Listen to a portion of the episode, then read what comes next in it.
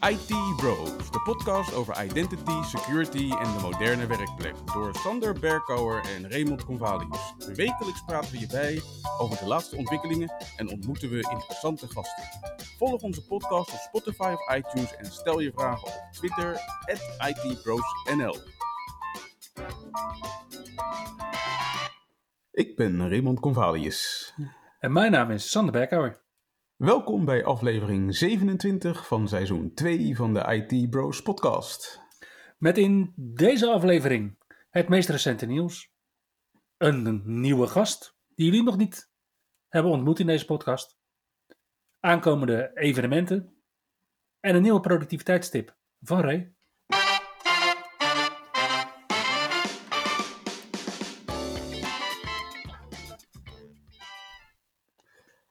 Afgelopen week was er geen nieuwe beeld in de dev channel van Windows 11. Oké. Maar in de beta channel werden we wel weer verwend met weliswaar twee nieuwe builds. Althans, soort van.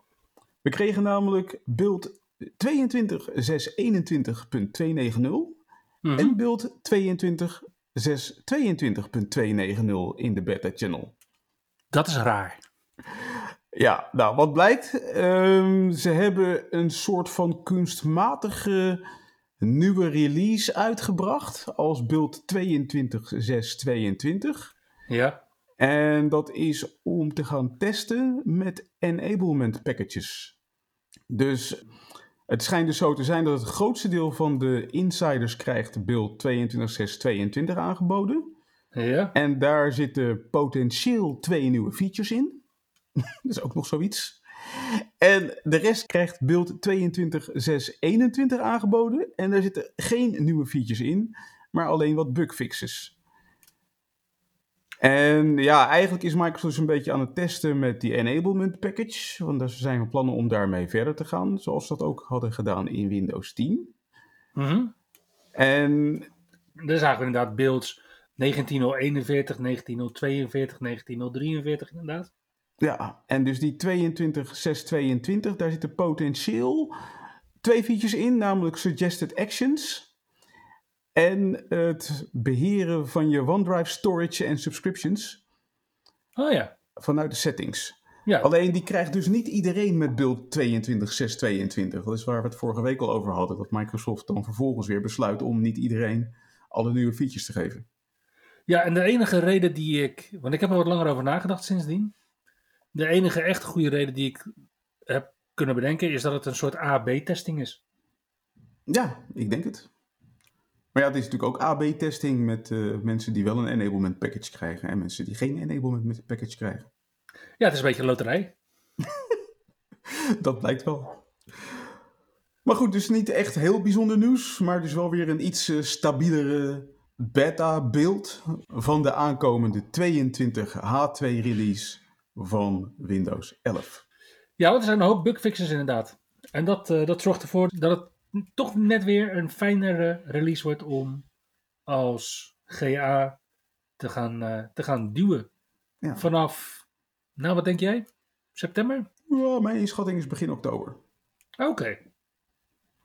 Dat ze toch het oktober timeframe, aan, eh, timeframe aanhouden. Ja. Ook al, ook al doen ze daar niks meer mee met Microsoft Ignite. Inderdaad. Nou ja, dan was er dus eigenlijk geen nieuws voor de 23H2 release van Windows 11. Maar parallel daaraan is Microsoft wel bezig met het ontwikkelen van Windows Server vNext.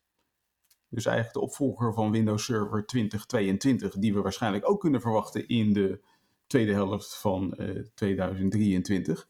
En daarin is build nummer 25151 uitgekomen. Oké. Het lijkt een beetje alsof er een soort van, eh, ja... Ze lopen bijna parallel, want de laatste beeld van Windows 11 is beeld 25145. Mhm. En dit is dus beeld 25151 voor Windows Server. En dat is dus de LTSC-beeld die er aankomt. En wat er nieuw is in deze beeld is dat er eh, Windows Server 2022 Container Support in zit. En dat er native support in zit voor labs. Daar Ja, hebben we het net eh, laatst al over gehad. Net als in de 25145. Ja. Precies. Waarbij dus ook eh, ja, nieuwe functionaliteit voor labs eraan zit te komen. En er ook nieuwe eventlogs voor labs te vinden zijn. De ISO is te downloaden voor deze serverversie.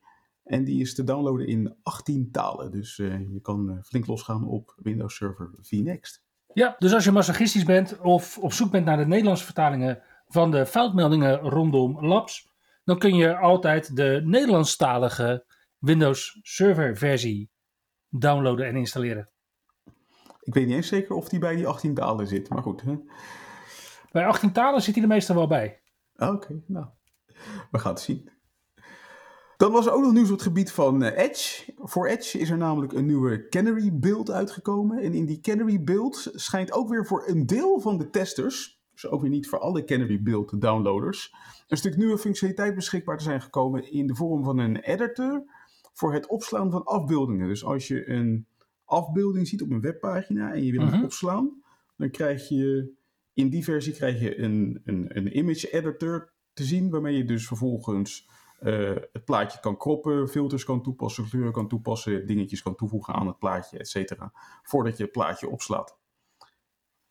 Ik weet niet of ik hier echt op zit te wachten en ik denk veel mensen met mij. Maar goed, Microsoft schijnt het aan het testen te zijn in de volgende Canary build. Nou, waar ik het deze week over heb gehad met een collega was dat Edge nu aan de lopende band nieuwe features krijgt. Mhm. Die allemaal productiviteitsfeatures zijn en ook die door creators goed worden gebruikt. Zou Microsoft misschien aan het werken zijn aan, ja laat ik het dan maar Edge OS noemen. Het zou een verklaring kunnen zijn voor de function creep die je nu ziet plaatsvinden op Edge. Ja. ja, ik bedoel Internet Explorer was vroeger ook altijd een zo'n grote download dat de eerste versies zelfs op CD werden uitgegeven. Maar misschien dat dit inderdaad ook wel een weg is die Microsoft nou, misschien niet nog definitief heeft ingeslagen. Niks is definitief bij Microsoft. Ja, Windows Phone OS was ook niet definitief. Microsoft Bob was ook niet definitief. Maar ja, het zou wel kunnen leiden, denk ik, daartoe. Het is een idee. Ik, eh, ik ga nog even verder spelen met het idee. Kom er nog op terug. Oké. Nou, de OneDrive client schijnt inmiddels ook onder handen te worden genomen door Microsoft. Er gaan screenshots rond van een Windows 11 redesign van de OneDrive client, waarin dus alle vensters van OneDrive en Windows 11 uiterlijk hebben gekregen. Oké. Geen nieuwe features. En deze update is nog niet officieel aangekondigd en nog ook nog niet beschikbaar als eh, preview voor de mensen die in de preview channel zitten van OneDrive. Maar er is wel een, nou waarschijnlijk dan dus illegaal, er is wel een downloadlink Ja, beschikbaar. Ja, er is inderdaad een eh, meneer of een meneer of mevrouw die hem eh, heeft aangeboden ter download. Dus als je hem echt wil uitproberen, je kan niet wachten, kan je hem downloaden. Ja, maar wees je er wel van bewust dat dit soort downloads meestal ook door kwaadwillenden weer worden herverspreid met allerlei malware aan boord. Ja, wat mooie ongevraagde toevoegingen. Een van mijn ervaringen is dat ik vrij vaak word gevraagd naar oudere versies van Azure Connect. Mhm. Waarbij ik ook inderdaad aangeef van, ja, Microsoft heeft niet voor Azure Connect versies de MD5 of de SHA-1 hash beschikbaar gesteld. Of de SHA-256 hash beschikbaar gesteld. Dus hoe kun jij controleren dat als ik jou een Azure Connect.msi geef, dat dat dan inderdaad ook de officiële MSI is vanuit Microsoft? Ja, dat is wel een goede vraag. Ik en vertrouw je me dan voldoende dat jij mijn Azure Connect.msi gaat gebruiken voor jouw hele Active Directory richting jouw hele Azure AD tenant. Ja, daar zeg je zo wat. Ik zo, ja, nou daar zeg ik dus precies wat heel veel mensen zich niet afvragen. Precies. Maar wat wel weer relevant is deze week, want er is weer een nieuwe versie van Azure Connect. Oké. Versie 2.1.15.0, die lost een kwetsbaarheid op in de Azure Connect Admin Agent. Mhm. als je die geïnstalleerd hebt. En Microsoft stopt nu ook gelijk met de functionaliteit rondom de Admin Agent. En heb jij nou zoiets van de Azure Connect Admin Agent? Dat zegt me helemaal niks. Dat is een, eh, een stukje aanvullende software die kon worden gebruikt om aanvullende diagnostische gegevens naar Microsoft te sturen. Wanneer er werd samengewerkt met Microsoft Support om een issue op te lossen met Azure Connect. Dus bijna niemand heeft hem gelukkig aanstaan. En Microsoft zorgt er met versie 2.1.15.0 voor dat je hem ook niet meer kan gebruiken. Interessant is dat in de officiële documentatie wordt gezegd dat het vanaf versie 2.1.12.0 niet meer mogelijk is. Maar die versie is nooit uitgebracht.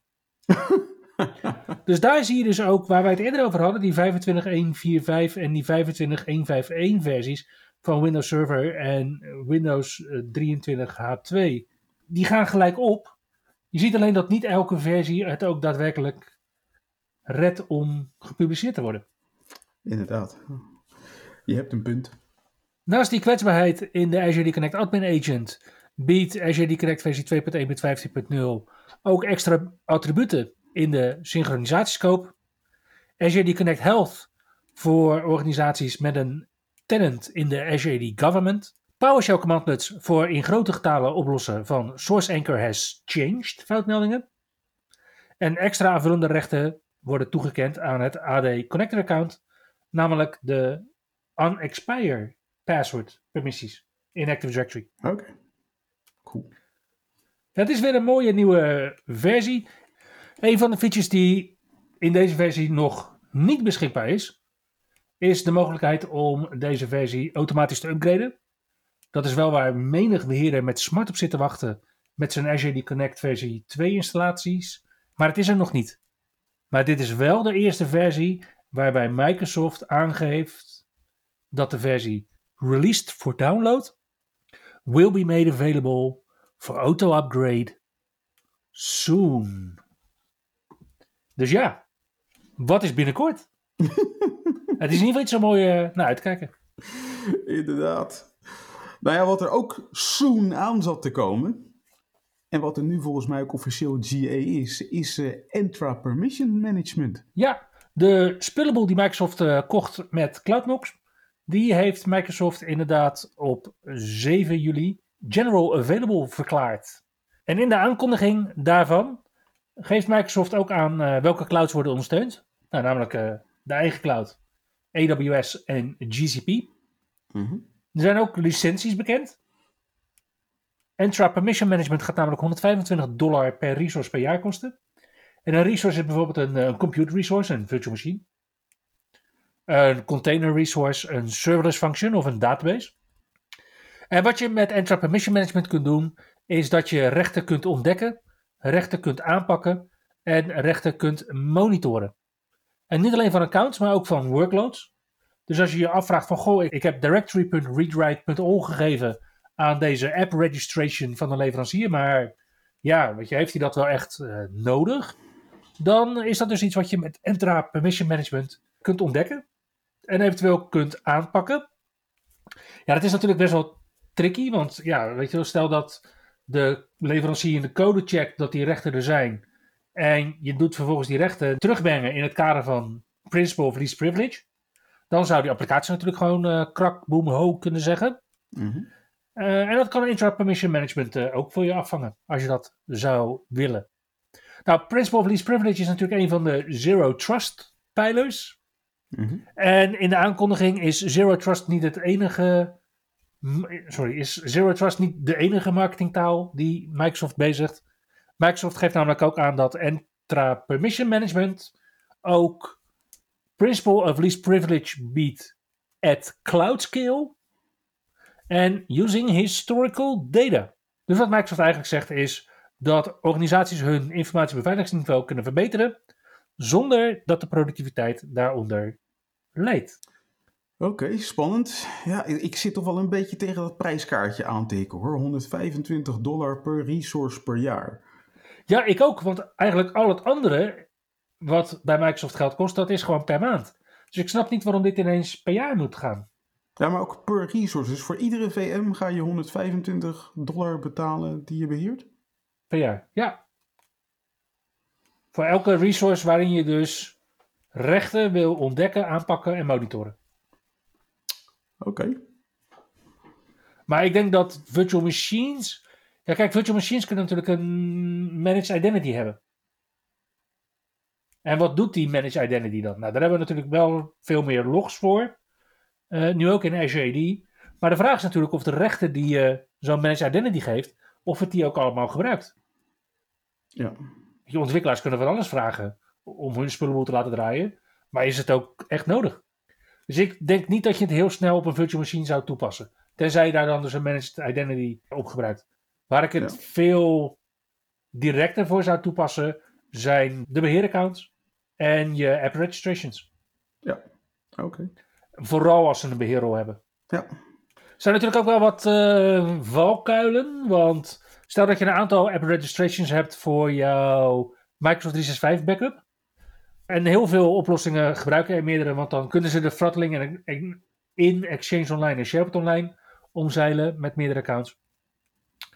Maar ja, dat is natuurlijk, als je dat op basis van historische gegevens doet, kan dat best wel eens tricky zijn als je natuurlijk geen restore tests doet.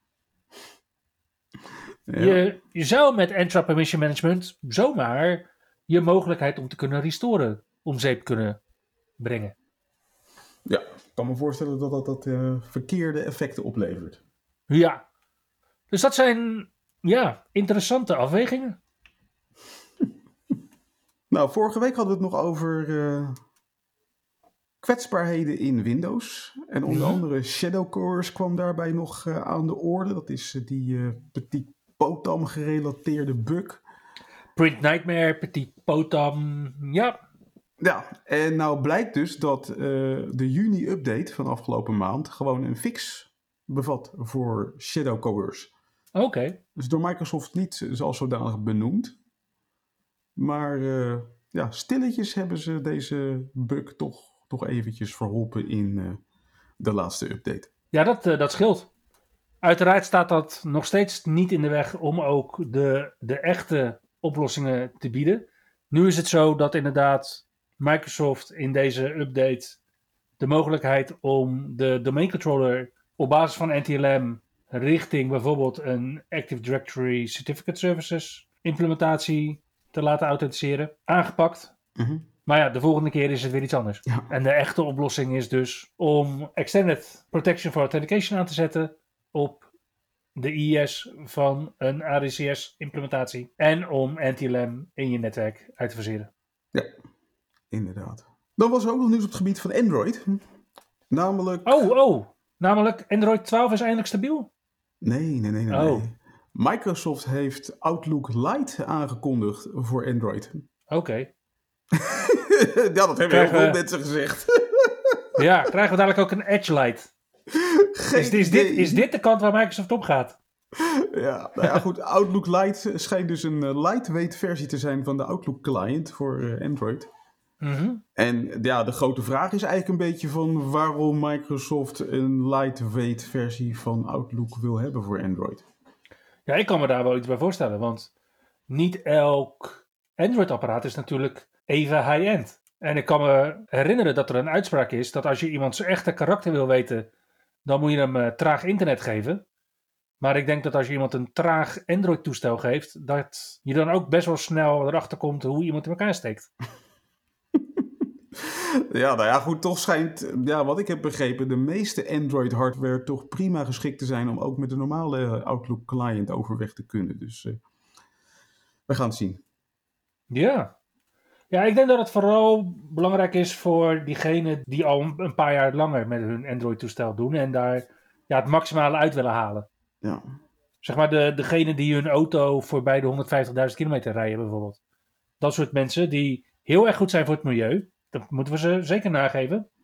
Maar ook in het belang van hun portemonnee denken. En op die manier natuurlijk een aankoop uitstellen voor dan wel een nieuwe auto, dan wel een nieuwe Android-telefoon. ja, En daar is onderzoek naar gedaan dat er niet eens een heel erg groot deel van de Nederlanders daadwerkelijk met iPhones en Android-toestellen van de laatste twee jaar rondhobbelen. ja daar zit ook wel een eh, groot nadeel aan vast. Toevallig las ik van de week nog een artikel over eh, hoe verschillende fabrikanten omgaan met de update policy van Android. Ja, En eh, ja, laat ik zo zeggen dat eh, de meeste fabrikanten eh, echt niet langer dan twee jaar updates blijven leveren voor hun Android-toestelling. Volgens mij was de grote uitzondering was, Samsung. en Google zelf. Die voor, zeker voor, zijn high, high-end toestellen volgens mij tot vijf jaar zelfs nog support blijft leveren. En Mhm. inderdaad Google zelf op de Pixel die ook volgens mij drie jaar nog support blijft leveren. Maar de rest van de fabrikanten doet er of helemaal geen uitspraak over. En als ze er een uitspraak over doen, dan gaan ze niet verder dan twee jaar. Dus ja, ja van de meeste Android-toestellen kan je er dan ook in Nederland blijkbaar dan wel van uitgaan dat ze beschikken over een verouderde Android-versie. Mhm. En als daar een eh, groot lek in voor gaat komen, dat we nog wel eens tegen een heel lastig scenario op kunnen lopen. Ja, ja daar, daar doet Outlook natuurlijk eh, zelf ook van alles tegen om zich te beschermen tegen gecompromitteerde telefoons eigenlijk. Mhm. Als het daarop wordt eh, geïnstalleerd. En daardoor durft Microsoft het dus wel aan om Outlook, maar ook Outlook Lite, op behoorlijk wat Android-versies te ondersteunen. En daarom ondersteunt Outlook voor Android bijvoorbeeld ook nog steeds toestellen met Android 8, wat effectief in 2017 op de markt kwam. Ah, oké. Ja, als jij dus een toestel hebt uit 2017, wat toen al niet heel high-end was, ja, komt het dan vandaag nog wel voldoende mee om daar Outlook op te draaien? Dan denk ik dat Outlook Lite daar een behoorlijk goed antwoord op is. Dat zou misschien inderdaad de reden kunnen zijn voor Microsoft om eh, met Outlook Lite te komen. Ja, nou ben je helemaal aan de andere kant van het eh, spectrum en eh, kijk je onwijs uit naar iOS 16 en macOS 13, waar we het natuurlijk een aantal afleveringen geleden over hadden, dan kan je ook uitkijken naar de lock-modus in deze besturingssystemen. En in de lock-modus biedt Apple een antwoord op de NSO-groepachtige hacks die we de laatste tijd zien. Want in lock-modus wordt het attack surface wordt verkleind. Je kunt helemaal niks meer met attachments in iMessage berichten. Je hebt geen just-in-time JavaScript meer in Safari. En er worden nog allerlei andere informatiebeveiligingsfunctionaliteit daadwerkelijk uitgezet. Die je waarschijnlijk niet nodig hebt of niet wilt gebruiken als je een meer paranoïde mindset hebt. Ja. ja, ik vind de lijst van beperkingen in lockdown-modus vind ik wel eh, veelzeggend. Behalve degene die je net al noemde, heb je bijvoorbeeld als feature dat FaceTime binnenkomende oproepen van onbekende nummers gewoon keihard blokkeert. Waarom is dat geen standaard feature? Snap ik ook Sorry. niet. Of wat dacht je van deze? Binnenkomende uitnodigingen voor gedeelde mappen worden geblokkeerd in lockmodus. Oké. En nieuwe configuratieprofielen en MDM-enrollments zijn onmogelijk. De huidige blijven behouden. Ja, dat wil je ook. Ja, dus eh, al met al, ik denk een hele nuttige uitbreiding van het OS, die eh, voor diegenen die een extra beveiligde iOS-telefoon nodig hebben, toch wel Mhm. goed zal helpen. Ja, nou ben ik dus ook wel heel erg nieuwsgierig naar of we op die manier met Entra Permission Management en dan met Apple devices, based on historical data, het informatiebeveiligingsniveau van Apple-apparaten zouden kunnen verhogen door te kijken naar het historisch gebruik van deze features. Als het een Cloud OS was, ja. Ja, nee, maar als, stel dat iOS zou zeggen van hey, wij stellen voor dat je de lockdown-modus inschakelt, want in de afgelopen zes maanden heb jij van deze functionaliteit geen enkele keer en van deze andere functionaliteit één of twee keer gebruik gemaakt. Vind je dat een goede aanbeveling? Ik denk dat heel veel mensen zullen zeggen, ja, klinkt goed. ja. Maar daar zou je Entra niet voor nodig moeten hebben. Nee, het zou niet 125 dollar per device per jaar moeten gaan kosten ook. Nee. Nee, precies. Afgelopen week is er een nieuwe bedreiging bekend geworden rond eh, VMware, namelijk eh, Red Alert Ransomware. Red Alert richt zich op Windows en Linux VMware ASXi servers. En wat het doet is eigenlijk gewoon eerst een hele nette shutdown van alle VM's. Om vervolgens met N-True Encrypt, Public Key Encryption, alles keurig netjes voor je te versleutelen. En vervolgens eh, de ransom op te eisen in Monero. Oh, ja, ze zijn in ieder geval heel transparant dat het inderdaad criminele activiteit is, omdat Monero inderdaad een bovengemiddeld aandeel heeft onder criminelen. Ja, inderdaad. En ja, dat gebruik van dat encryptie-algoritme van N-True Encrypt zorgt ervoor dat het eh, bijzonder goed versleuteld is. En is ook bijzonder Mhm. lastig om eventjes weer terug te ontsleutelen. En als je denkt van nou, eh, ik betaal niet, dan eh, eindig je waarschijnlijk op de board of shame van Red Alert. En Red Alert heeft tot nu toe gelukkig nog slechts één slachtoffer gepubliceerd. Ja, ik vind de naam vooral, vooral wel interessant. Red Alert. Ja, ik geloof dat de codenaam is N13V. Mhm. Maar de laatste keer dat ik, ik me niet wel kan herinneren dat we een grote kwetsbaarheid hadden die zo grondig te werk ging, waar Red in voorkwam, was Code Red. Oké, dat is alweer even geleden, ja. Dat was 2001. Dat was een eh, IIS-worm. De afstraffing dat Microsoft standaard IIS aanzette op Windows 2000 server installaties. Precies. Laten we hopen dat het zover niet komt. Nee, maar potentieel kan dat natuurlijk wel. Als jij je ESXi-servers niet als zodanig hebt afgezonderd van de rest van het netwerk, als je je netwerk niet hebt gesegmenteerd, dan zou dat zomaar kunnen. Ja, en dan ben je het slachtoffer en dan eh, moet je betalen. Nou, wie er nog niet hoeft te betalen is de Chinese overheid, maar die heeft wel te maken met wat ik ben gaan noemen the mother of all hacks. Dat is een boute claim, Ray. Ja, nou ja, het schijnt namelijk dat er een hack is gepleegd waarbij de data van 1 miljard Chinezen is gestolen van de Shanghai National Police. 1 miljard Chinezen. Dat is dus 1 op de 8 wereldbewoners. Inderdaad, maar 1 miljard. Maar dat blijkt dus ook dat die hacker, die ene China Den, die biedt een bestand aan, een database, van 23 terabyte met al deze data. Waar die eh, een vraagprijs voor heeft neergelegd van 10 bitcoin. Dat is ongeveer 200.000 dollar. Ja, dat is met de huidige bitcoin-stand eh, redelijk een koopje. Ja. En dan krijg je een database met eh, namen, adressen, geboorteplaats, BSN, mobiele nummers en criminaliteitsgegevens van deze 1 miljard slachtoffers.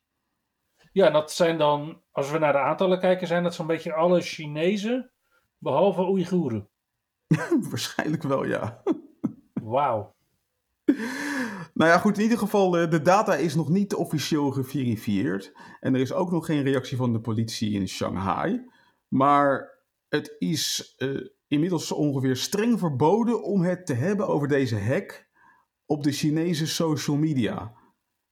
Het schijnt dat alle berichten die hierover gaan, op onder andere Weibo, gewoon meteen worden gewist door de autoriteiten. Oké, en is er ook al bekend eh, hoe ze naar alle waarschijnlijkheid zijn binnengekomen? Of de data heb- hebben bemachtigd? Ja, het schijnt dus dat er een, eh, een, een overheidsontwikkelaar de credentials van die database heeft gelekt in een eh, GitHub repository, geloof ik. Ah, nou het zal niet een GitHub repository zijn, want daar wordt op gecheckt. Maar het zou, het zou een GitLab repository kunnen zijn geweest. Ja, duur foutje. Kun je wel stellen. Nou, een andere hack die wat minder impact had, qua aantallen in ieder geval, was de mm, redelijk recente hack op de gemeente Buren. Daar heeft eh, Hunt Hackett, bekend van eh, Ronald Prins, een rapport over geschreven, waarmee ze hun onderzoek afronden. In dat rapport vinden we dat kwaadwillenden op 18 januari 2022 binnenkwamen en gegevens versleutelden op 1 april 2022. Ze zijn best wel lang binnen geweest. Ik vind dat goed nieuws, want dat betekent dus ook dat beheerders en security mensen best nog een kans hebben om ze te detecteren. Mhm. We horen ook verhalen waarin het eh, binnen 24 uur allemaal gebeurt. Ja, Ze hebben misbruik gemaakt van de VPN om binnen te komen. En ze hebben grote hoeveelheden gegevens geëxfiltreerd. En daarna hebben ze getracht om de gemeenteburen op drie manieren af te persen. Namelijk eh, door de bestanden te versleutelen en een eh, ransom daarvoor te vragen. Met een distributed denial of service, een DDoS aanval. En natuurlijk met een datalek. ja.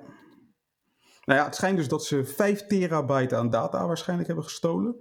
Daarvan is tot nu toe 126 gigabyte gepubliceerd, omdat eh, de gemeente Buren eh, weigert te betalen. En eh, een van de conclusies van Hunt en Hackett is dat de gemeente de recovery weliswaar goed had ingeregeld.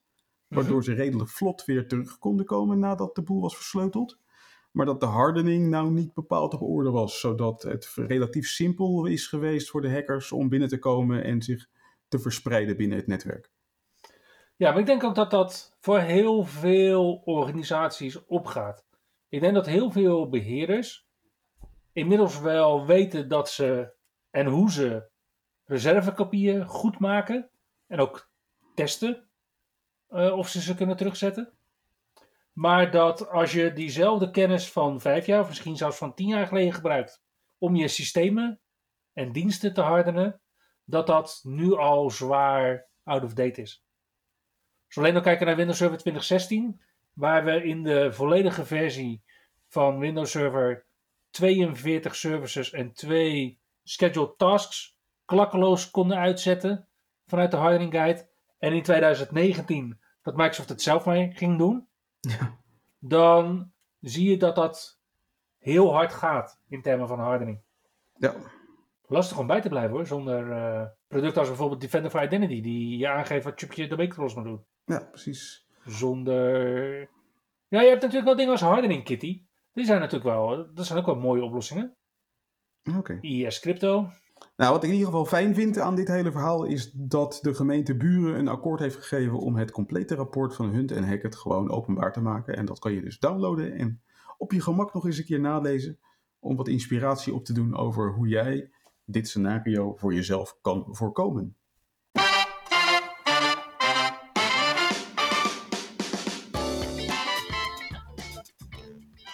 Deze week hebben we weer een gast aan boord. En niet zomaar een gast. Nee, iemand die ik al 19 jaar ken. Tja. Misschien wil je even voorstellen, Dave. Eh, ja, ja, Dave Stork. Ja, eh, in ieder geval ouder dan 19 jaar dus. Eh, en al iets van 20, eh, 21 jaar in, in het vak. Ja, en ja, ik heb bij jou nog les gehad. En nu geef ik jou les. Nou, nee. Ja. Ja, ja, misschien wel. Nou, ik heb je een aantal keer moeten corrigeren op een aantal exchange eh, dingen. Dus dat vind ik altijd wel leuk. Maar ja, maar, eh, ja we zijn eh, elkaar leren kennen eh, jaren geleden bij hetzelfde bedrijf. Eh van daaruit eh, eh, heb ik inderdaad cursussen van jou gekregen. Ben ik eh, vanuit eh, werkplekbeheer doorgegroeid naar eh, technisch specialist. En eh, eh, nou ja, nu dan eh, ben ik werkzaam intussen bij andere, andere werkgever. Simplify nou om eh, eh, als, als cloud architect. En nog steeds als consultant. En eh, ja, verder ook, eh, ja, wat wil je nog meer weten eigenlijk van me? Eh, Nou ja, kijk. We zijn natuurlijk niet met z'n tweetjes, maar met z'n drietjes eh, nu lekker Ja. aan het eh, babbelen. Waar zou Raymond jou van kunnen kennen? ik zie je altijd samen, dus dat, dat, dat, of zo. Oh, oké. Ja, omdat het Jut en Jul is. Oké. nou ja, we hebben in ieder geval één ding met elkaar gemeen. En daarvoor Ja, ga ik ja. je nu meteen eh, feliciteren. Gefeliciteerd, Dave. Gefeliciteerd, Ja. Sander trouwens ook. Gefeliciteerd, Ray. en Jullie ook gefeliciteerd, dus allemaal eh, eh, feliciteren. Ja, ja, ja. nee, eh, inderdaad, Microsoft MVP, eh, alle drie. Voor, voor mij nu eh, negende, negende jaar. En voor, jullie- voor jullie iets langer, geloof ik. Eh, en in andere vakgebieden ook, trouwens, categorieën. Ja, dat houdt het spannend, hè? Ja. Die van mij is al zes jaar lang niet gewijzigd. Het is nog steeds Enterprise Mobility. Ja. Uh, Raymond, wanneer werd die van jou voor het laatst hernoemd?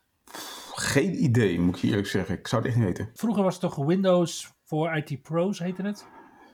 Ja, en nu is het Windows en Devices for IT. Dat is al een aantal jaren zo. Oh, een aantal jaar. Bij mij is het nu Microsoft 365 Office Apps en Services. eh, nee, eh, M365 Apps en Services, dat was hem, ja.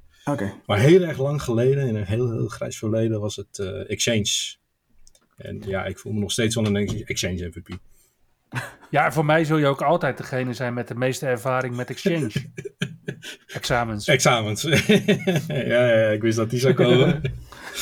ja, ja, ja. Voor, de, voor de mensen die de grap niet weten, ik heb met mijn eerste Exchange-examen, toen eh, eh, Sander docent was, en dat moet, moet ik wel even benadrukken, Sander was de docent. Dus, Ja, toen heb ik het zo slecht gedaan dat Dave zijn Exchange-examen niet in één keer haalde.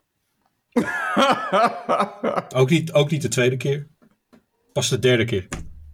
Maar voorafgaand aan de derde keer dacht ik van oké, nu ga ik het Dave echt leren. En toen eh, heb ik in een Exchange server die hij net had neergezet, had ik de database erbij gepakt, geopend in Notepad. Toen gezegd, nou, eh, Sander was hier. Gewoon een stuk eh, vervangen van datgene wat er in de EDB stond. En toen gezegd, eh, save. Toen tegen Dave gezegd, nou Dave, fix het maar. En, en dat heb ik gefixt. En, en dat was ook een vraag op het examen. Dus ja, toen, toen heb ik het gehaald. eh. Als je dus ooit afvraagt waar die Sander was hier vraag vandaan kwam op je Exchange server examen, dan weet je het nu. Het is niet het enige wat we gemeenschappelijk hebben. Vertel. We zijn namelijk ook alle drie sprekers geweest bij NGI NGN. Oh ja. Ja. En op nog wel veel andere evenementen ook, denk ik. Eh, Express Live. eh, misschien niet altijd tegelijkertijd. eh, maar eh, ja, ja, ja, ja. Maar goed, getting back to eh, Exchange-examens. Microsoft heeft onlangs een nieuw Exchange-examen aangekondigd. Nou, eh, aangekondigd, een tijdje terug al aangekondigd. eh, en dan was het beta, maar het is eh, sinds eh, een klein eh, twee weken is het examen eh, volledig eh, beschikbaar voor iedereen. Eh, general available eh, uit beta status. En dat is de, de, de MS eh, 220. Dat is de Exchange Online Support Associate examen. En, eh, ja, en ik, eh, ik, ik heb die wel gehaald. In één keer. In één keer. Nou, tot nu toe, eh, si- sinds, want dat, eh, dat eh, examen wat ik drie keer eh, heb moeten doen, dat was een Exchange 2003 examen. Hè. Daar daar praten we echt over jaren geleden. En sindsdien, heb ik elk eh, examen eh, meteen de eerste keer gehaald. En ook eh, een aantal beta-examens. En ook deze, de MS 2020, in zijn beta-status eh, gehaald. En ja, het was best, best een, een, een uitgebreid pittig examen. En veel meer nadruk op, op inderdaad het troubleshooten van Exchange en Exchange Online en mailflows en dat soort zaken. Het nadeel altijd met, met die beta-examens is dat je nauwelijks lesstof heb. En daar heb ik ook op mijn GitHub een eh, verzameling gemaakt van alle eh, bronnen. Maar ja, ik, ik eh, vond het wel een mooie aanvulling op de, de Exchange-examen. Want ja, dat is een paar jaar geleden waren er twee examens die er waren voor, nou ja, 2013-ish. Zijn samengevoegd in één examen, de 203-examen. en ja, dat was een beetje, als je keek naar bijvoorbeeld Teams en, en, en andere dingen, dan had je echt iets van vijf examens of zo. I don't know. En Exchange had je maar eentje. Hmm, ja. Ja, en, en, en- en terwijl het toch best eh, nog steeds voor organisaties een belangrijk eh, product is, on-prem en in de cloud of zelfs hybride. Uh, Ja. Dus ik was wel blij inderdaad. Ik, en ik snap ook zeker wel waarom ze dus die, die, die eh, online support eh, erbij hebben gemaakt. Dus, eh, en eh, nou, nu kan iedereen het eh, eh, gewoon eh, in de normale staat eh, zeg maar, eh, halen. Heb je ook meteen je uitslag. Ik, ik moest eh, twee maanden wachten voordat ik het wist. Zo werkt dat hè, met beta-examens. Ja. Ja, ja, zeker een goede toevoeging. En, eh, en dat heeft dus ook meteen een, een, een, een nieuwe badge. De associate, ja, volgens ergens een Exchange Online eh, associate badge eh, krijg je erbij. Dus het is ook een nieuwe certificering. Ik weet even niet uit mijn hoofd welke randvoorwaarden je verder nog om nodig hebt voor die eh, certificering zelf. Of voor die badge te halen. Maar eh, ja, het, eh, ik vond het weer leuk om weer eens een keertje een, eh, exchange, een nieuw exchange eh, examen te doen. En ik, ik ben ook dat eh, de meeste mensen die erbij hebben gedaan, die ik ken, die hebben hem ook gehaald. Dus de meesten vonden het wel pittig. Maar Mhm. hij was wel, zeker als je kennis en ervaring hebt met exchange, zoals, de, de jaren ervaring, dan, dan is het wel te doen. Oké. Je gaf aan dat je je eigen bronnen hebt verzameld in een GitHub. Ja. Wil je dat, dat nog delen met het publiek of is dat echt iets wat je voor jezelf wil houden? Nee, nee, nee, die is publiekelijk. eh, dus die, eh, ja, git- github.com eh, slash Damestork is mijn URL. Ik kan het nog wel aan jullie sturen. Oké. En dan, dan kunnen jullie het waarschijnlijk allemaal wel vinden. En anders ook wel op mijn blog heb ik ook wel een referentie naar gemaakt. Of een linkje naar gemaakt. en, en dat zijn gewoon alle, alle officiële bronnen van Microsoft zelf. Als je kijkt naar de, de examendoelen van, van MS 2020. Mhm. eh, daar heb ik gewoon de artikelen bij gezocht. En, en op die manier bij elkaar verzameld in een mooi, mooi eh, klikkenbaar eh, documentje. eh, Oké. Die je kan gebruiken om eh, te leren. Dus eh, doe je er een voorbeeld bij. Nice. Ja, ik, eh, ik keek net even naar die eh, Microsoft 365 Certified Exchange Online Support Engineer Specialty. De mooie badge waar je het over had. Oh, specialty. Ja. Heel ja. speciaal. Daar hoef je alleen het eh, MS 220 examen voor te doen. Ah, Oké. Dat vind ik raar dat je daar dan niet ook nog inderdaad een, eh, een Azure AD examen voor hoeft te doen. Eerlijk gezegd. Ja, maar eh, zoals met bijna alle MS, MS examens, eh, er is ongelooflijk veel overlap met de content. En in alle examens kom je wel een stukje Azure AD tegen, synchronisatie en dat soort zaken. Dus uiteindelijk ontkom je er niet aan. Heb je eigenlijk juist voordeel als je, als je al veel voorkennis hebt. Ja, je zou bijna denken dat er toch in de afgelopen twee decennia weinig is veranderd. Het is nog steeds Active Directory wat centraal staat. Het is nog steeds een Exchange product of dienst dan. Oké, okay, dat is dan misschien uh, ja. de, de oude wijn in nieuwe zakken. Uh, wat daar op verschillende manieren in, hoe zeg ik dat netjes? Netjes inplucht. Maar het is wel, ja, het is wel nog steeds het, het, hetzelfde inderdaad. Nou, er zijn natuurlijk wel hele belangrijke verschillen tussen on-prem en, uh, en in de cloud, Exchange Online. Uh, als je kijkt naar uh, retention policies en on-prem in Exchange zelf en on, in, in, Microsoft 365. De hele compliance stack en dergelijke is, is gewoon totaal anders. En ook een aantal PowerShell dingen zijn ook gewoon anders. En zeker als je hybrid bent met aan beide kanten mailboxen, ja, dan, dan moet je wel even goed schakelen. Dan moet je sowieso goed schakelen altijd. Dat, dat blijft. Maar de basis inderdaad, als je echt diep uh, de basis kijkt, dan uh, wordt erop voortgebouwd. Op alles ja. wat er eerder voorkwam. Ja.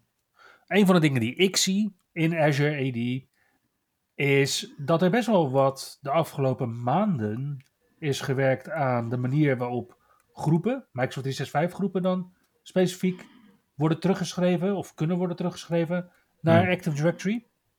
En daar waren al wat wijzigingen een tijdje geleden gemaakt. Maar dan zagen we ineens afgelopen week ook weer heel veel wijzigingen. Dus twee van de wijzigingen die we zagen waren dat je nu niet alleen Microsoft 365 groepen, maar ook security groups in Azure die kunt terugschrijven. Dat je niet alleen kunt terugschrijven naar universele distributiegroepen in Active Directory, maar ook naar mail-enabled groepen. Uh, ook weer naar security groups. En dat je nu als group admin, dat is gewoon een rol die we hebben in Azure AD, de group administrator, dat je nu ook, als je de feature in Azure AD Connect aan hebt, dat je nu ook als group administrator de groepen kunt configureren voor write-back. Hm. Dat is natuurlijk best mooie functionaliteit. Mhm. En wat ik lees vooral, is dat er heel veel, en dan moet ik het goed zeggen, M365 Apps en Services MVP's heel blij zijn met deze functionaliteit. Ja. Kan jij me dat nou eens uitleggen? Want ik heb zoiets van, ja, weet je, het zijn groepen. Mm. Ik, ik baal nog steeds van dat we niet overal uh, nested groups kunnen gebruiken in Azure AD. Uh, mm. Ik had dan gezegd van, nou, doe daar dan wat meer prioriteit misschien aan geven.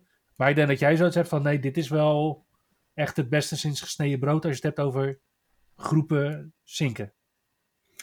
Nou ja, wat, wat, uh, wat ik zeker met, met uh, de, de, de, transitie van Exchange On-Prem naar Exchange Online, uh, waarbij je dan ook de directiesynchronisatie in, in, in, je plek moet hebben, was zeker in de begintijd was er altijd een, een, een soort gedachte bij beheerders die er geen ervaring mee hadden of organisaties, is dat die directiesynchronisatie, dat die, ja, die, is, die is natuurlijk bidirectioneel. Ja? Mm -hmm.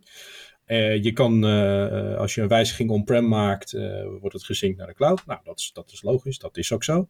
En als je dan een wijziging maakt in, in de cloud, dan wordt het teruggesynct naar de on-prem.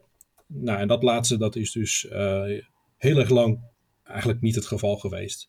Maar wat, wat je dus nu steeds meer ziet en, en, en steeds meer stappen worden gezet, is dus inderdaad dat die synchronisatie wel degelijk meer bidirectioneel aan het worden is en een aantal van dit soort pijnpunten weggehaald wordt. Dat maakt ook het beheer makkelijker. En een van de grootste pijnpunten bijvoorbeeld die ik zie bij, uh, bij exchange migraties is als je uh, distributiegroepen hebt on-premises en die sync je naar de cloud toe. Dus die zijn dan gesynct en al je mailboxen gaan naar de cloud toe. En ze zijn gemanaged door, door een gebruiker zodra die mailbox van die persoon in de cloud zit, kan hij die uh, groep niet meer beheren. Omdat daar geen schrijfrechten op zijn. Nou ja, dit zijn dus van die wijzigingen. Uh, ik, ik heb eerlijk gezegd heb ik me nog niet uh, voldoende genoeg in, in, in verdiept om te kijken of of dat, dat, dat stukje nu wel opgelost gaat worden. Dat, het is ook net een paar dagen geleden geloof ik aangekondigd. En ik moest even ja. andere dingen ook uh, uitzoeken. Dus met testopstellingen heb ik nog niet naar kunnen kijken. Maar uh, ja, ik zie daarin wel dit soort zaken in de toekomst steeds meer. Dat, dat het object waar dat staat eigenlijk steeds minder belangrijk wordt. En waar je mailbox bijvoorbeeld staat, waar, dat dat wat minder belangrijk wordt. Daar ben ik gewoon heel erg enthousiast inderdaad ook over. En het was al een hele grote verbetering dat bijvoorbeeld Microsoft 365 65 Dat dat lidmaatschap uh, naar on-prem uh, groep gesync kon worden. Zodat in ieder geval de on-prem mailboxen tenminste de mensen in die uh, Microsoft 365 groep konden mailen. Je kon Mhm. daar niet veel meer meedoen. Maar ja, zeker voor organisaties die, die uh, aan beide kanten on-prem en in de cloud een gebruikers uh, mailbox hebben. Of, of, of allerlei andere zaken on-prem en, en, en, in de cloud hebben. Ja, zijn dit gewoon features waar je gewoon blij van wordt. Ja, het past ook in de strategie van Microsoft natuurlijk om steeds meer functionaliteit te introduceren om het beheer vanuit de cloud te kunnen doen. Ja. En ja, dat is misschien een beetje nare mededeling voor elke Active Directory beheerder, maar ja, ik denk dat we al heel snel nu het punt gaan bereiken waarbij Active Directory eigenlijk niet meer dan een account store wordt. Hm. En ja, dan denk ik dat het ook niet heel lang meer op zich laat wachten dat Active Directory daar de account store is voor alles wat legacy is. Nou ja, dat zie je nu op zich al op, op een aantal vlakken natuurlijk. Ja, ja met Exchange Server, ja. Ja, ja. Noemen we, noemen we nou Exchange Server gelijk legacy? Wauw, oké. Okay. uh, nou, nou ja, op zich, uh, ik, daar zeg je op zich wel wat. Als ik ook kijk naar, naar uh, mijn werk is wat breder dan alleen Exchange geworden. Wat meer de Microsoft 365, maar Exchange is nog steeds wel een heel belangrijk onderdeel. En dan kom je er uiteraard met de hybride uh, Exchange-omgeving uh, uh, mee. En ja, wat altijd een beetje een, een, een hoe zeg je dat, een, een, last is geweest, is die on-prem Exchange server. Ook al heb je al je mailbox naar de cloud toe gemigreerd, ja, dan moest je nog steeds die on-prem Exchange server behouden voor het beheer van je objecten. Ja, de laatste Exchange server, ja. Ja, ja. Want ja, je on-prem, daar hebben we weer, de, de on-prem Active Directory, dat was je zogenaamde start of authority. Hè, dat was zeg maar de baas van alle objecten en dat soort zaken. En daarom moest je je Exchange uh, server, uh, in ieder geval één Exchange server behouden, om dus al die objecten te kunnen beheren. Maar goed, daar is ook weer een wijziging uh, in, in gekomen. ook sinds een paar maanden. Het, het probleem was natuurlijk een beetje Active Directory moet ik toch een klein beetje mijn uh, Exchange uh, product group uh, verdedigen. Mhm. Uh, omdat, omdat die, hè, die, zoals gezegd, die synchronisatie natuurlijk een issue was. Maar aan de andere kant, de, ja, je had ook een oplossing kunnen bedenken als een soort beheerserver of iets dergelijks. Nou ja, die route zijn ze een klein beetje naartoe gegaan. Je kan dus nu inderdaad, wanneer je naar Exchange 2019 bent geweest, kan je je laatste Exchange server uitzetten. Niet deinstalleren, maar je kan hem uitzetten en desnoods weggooien. En nog wat mm -hmm. uh, scripts doorlopen. Het is een heel proces wat je, wat je nauwgezet moet volgen. Maar dan heb je dus uh, wel management tools die je kan installeren in je omgeving. En van daaruit kan je dan uh, je objecten en nog steeds wel on-prem uh, moet je die, uh, moet je, be bewerk je die, maar voor, voor de, zeg maar de admin experience lijkt het alsof je je objecten gewoon direct in Exchange Online bewerkt. of in ieder geval, je hebt niet meer die, die on-prem Exchange server nodig waarbij je daar naartoe moet connecten of dat soort zaken. Je moet wel PowerShell kennen, maar collega MVP Steve Goodman die heeft, uh, heeft daar een PowerShell script met een uh, GraphQL interface voor geschreven, uh, die dat wat vergemakkelijkt. ik meen op practical365.com kan je daar de, de, de referenties van vinden. Ik denk dat dat voor de meeste mensen die, die van die server af willen, en er zijn zeker goede redenen dat je van zo'n server af wil, daar kom ik zo nog even op. Uh, maar ja, uh, maar als PowerShell toch wat lastiger is, nou, dan heb je in ieder geval nog een graf graphic use interface voor, voor de bulk van de werkzaamheden om dan te kunnen uitvoeren. Zoals we dat ja. ook eigenlijk sinds Exchange Server 2017 hebben. Ik bedoel, Mux was eigenlijk ook gewoon een grafische interface bovenop PowerShell. De, ja, ja, ja. Uh, 2017, weet ik, 2007 weet ik even niet 100%, maar in ieder geval 2010 zeker weten. Uh, en dan had je zelfs de command logging feature in de, in, in de console, waarbij je dus kon zien wat uh, Exchange daadwerkelijk uh, aan het doen was. Ja. Zo, zo heb ik dus ook heel veel PowerShell geleerd. Nou, je hebt het volgens mij ook in een boek beschreven, toch? Hey, ja, samen met andere MVP-collega Damon Skulls hebben we practicalpowershell.com en daar uh, PowerShell uh, met de Exchange 2016 specifiek. Uh, en later, daar ben ik co-auteur bij. Later ben ik meer op de achtergrond als editor gaan, gaan werken bij de verschillende boeken. En, en ook nou ja, Exchange Online, System, nee, Security en Compliance Center en, en, en andere, andere zaken die allemaal met PowerShell te maken hebben. Het boekcijfer is, is wel een ervaring, moet ik zeggen. ja, laten we het maar over iets anders hebben, denk ik. ja, ja, ja, Heb jij nog uh, specifieke tips voor mensen die nu nog uh, met Exchange bezig zijn? Die nu nog met Exchange bezig zijn. Uh, Exchange Server on-prem bedoel je dan? Mm -hmm. Ga ik even vanuit. Um, ja, eigenlijk, eigenlijk in, in, ieder geval wat Microsoft zelf ook zegt, is upgraden naar Exchange Server 2019. Aangezien, nou ja, zeker als je nu nog op 2013 zit, dan loopt je support, je extended support loopt volgend jaar af. Ja, als je dan nu nog op 2013 zit, slaat 2016 over, ga naar 2019. Want daar zit gewoon de verdere investering in.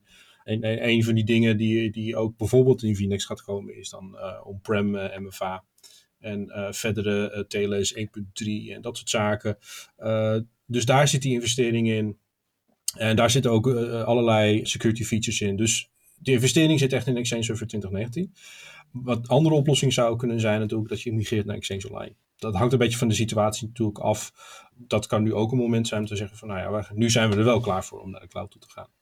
Dat is natuurlijk wel een situatie wanneer je nog Mailbox on-prem hebt heb je nog een, een laatste Exchange server 2013, 2016 of 2019, maar geen enkele mailbox on-prem, ja, dan kan je er dus bijvoorbeeld voor kiezen om die dus nu gewoon volledig uh, uit te verseren, waar we het net ook over hebben gehad. Maar ja, ben je dus een, een volledige on-prem uh, omgeving, dus heb je echt niks met de cloud te maken, uh, ja, dan, dan nog steeds Exchange 2019 en dan wellicht in 2025 dan overstappen naar de weer opvolgende versie van, uh, van Exchange Server. Waar er nog niet superveel van, uh, van bekend is. Maar uh, ja, daar wordt in de komende jaren wordt daar steeds meer en meer bekend van gemaakt door, door Microsoft. maar in ieder geval is, is 2019 wel een veilige investering, zeg maar, als je on-prem, volledig on-prem wil blijven. Ik, ik, denk dat er twee, in, een, in de verre toekomst, twee type organisaties een beetje overblijven. De volledige on-prem omgevingen die niks met de cloud uh, kunnen of willen te maken hebben. Nou, overheidsinstanties, defensie, NATO, uh, uh, zeer paranoïde organisaties bijvoorbeeld. Mhm. Die zeg maar volledig on-prem blijven. Criminele organisaties. Eigenlijk, ja. daar doe ik geen uitspraak over. Dus nee, en verder dan, ja, ik denk dat echt dat een beetje een tweedeling wordt. Dat, en, en, en ja, eigenlijk die ontwikkeling die we ook net Misschien dat er een aantal organisaties nog een beetje hybride blijven, maar ik denk dat uh, steeds ook meer zelforganisaties willen pushen naar volledig cloud en zo min mogelijk uh, on-prem bezig zijn. En uh, ja, dus het een of het ander. Maar dan praten we denk ik wel over vijf à tien jaar voor, voor de meeste organisaties. en, en dan nog steeds is, is heel, heel erg goed dat uh, Microsoft ook die, die uh, write-back functionaliteit en, en, verdere functionaliteiten daarin uh, aan het ontwikkelen is. Dat, dat maakt het voor organisaties gewoon een stuk makkelijker om, om zeg maar die keuzes en, en ook al die transities te maken. Ja. ja, wat ik dan vooral spannend vind is wat er gebeurt er dan met die altijd hippe Active Directory als dat er over tien jaar nog is. ja, dat wordt, ja. dat, dat wordt slash donker slash hoekje. dat denk ik ook. Hey, dankjewel uh, Dave voor uh, deze uitgebreide toelichting. Graag gedaan en bedankt voor de uitnodiging. Ik vond het heel erg leuk. Ja Dave, dankjewel. Tot, uh, tot snel weer. Ik denk binnenkort weer op een evenement. Dat denk ik ook. ja, ik heb, ik, heb, ik heb weer wat sessies ingediend hier en daar bij Express Live. Dus misschien, wie weet. ja, dus, wie weet. misschien zien we elkaar dan daar zo weer. Was goed om je om je vandaag in ieder geval weer even te zien. Ja, en te spreken. en zeker te spreken. Yes. Ja, iets gelijk. Dankjewel.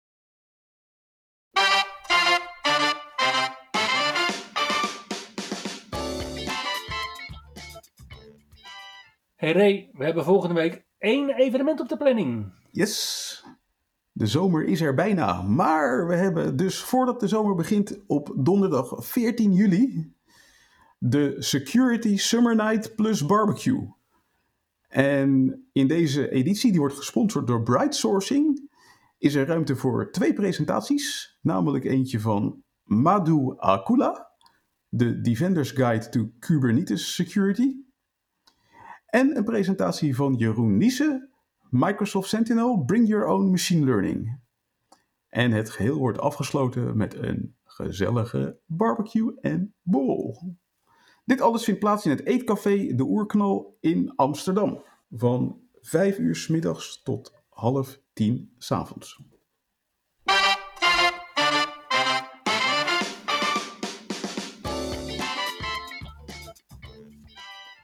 Hey Ray, wat is de productiviteitstip van deze week? Nou, voor de productiviteitstip van deze week wilde ik gaan naar een uh, bijna undocumented feature in de dev channel voor de 23H2 release van Windows 11. Blijkt namelijk dat er in uh, release 25.140 van 16 juni een nieuwe feature is opgedoken. Die uh, eigenlijk alleen maar is benoemd in een tweet van onze inmiddels wel bekende David Weston, oftewel mm -hmm. De Wizzel op uh, Twitter. Yep. En wat blijkt namelijk, er zit een nieuwe privacy and security feature in Windows 11, dus de release voor volgend jaar, -hmm. waarin je precies kan zien wanneer welke applicatie gebruik heeft gemaakt van bijvoorbeeld je camera of je microfoon op je PC. Oké. Okay. En je kon dus altijd al precies aangeven welke applicaties al dan niet gebruik mogen maken van je microfoon of je camera. Maar je kan dus nu ook gewoon keurig netjes terugzien, historisch gezien, wanneer welke applicatie van je microfoon of camera, maar ook bijvoorbeeld van je locatie gebruik heeft gemaakt op je PC in Windows. En deze oplossing kost niet 125 dollar per device per jaar?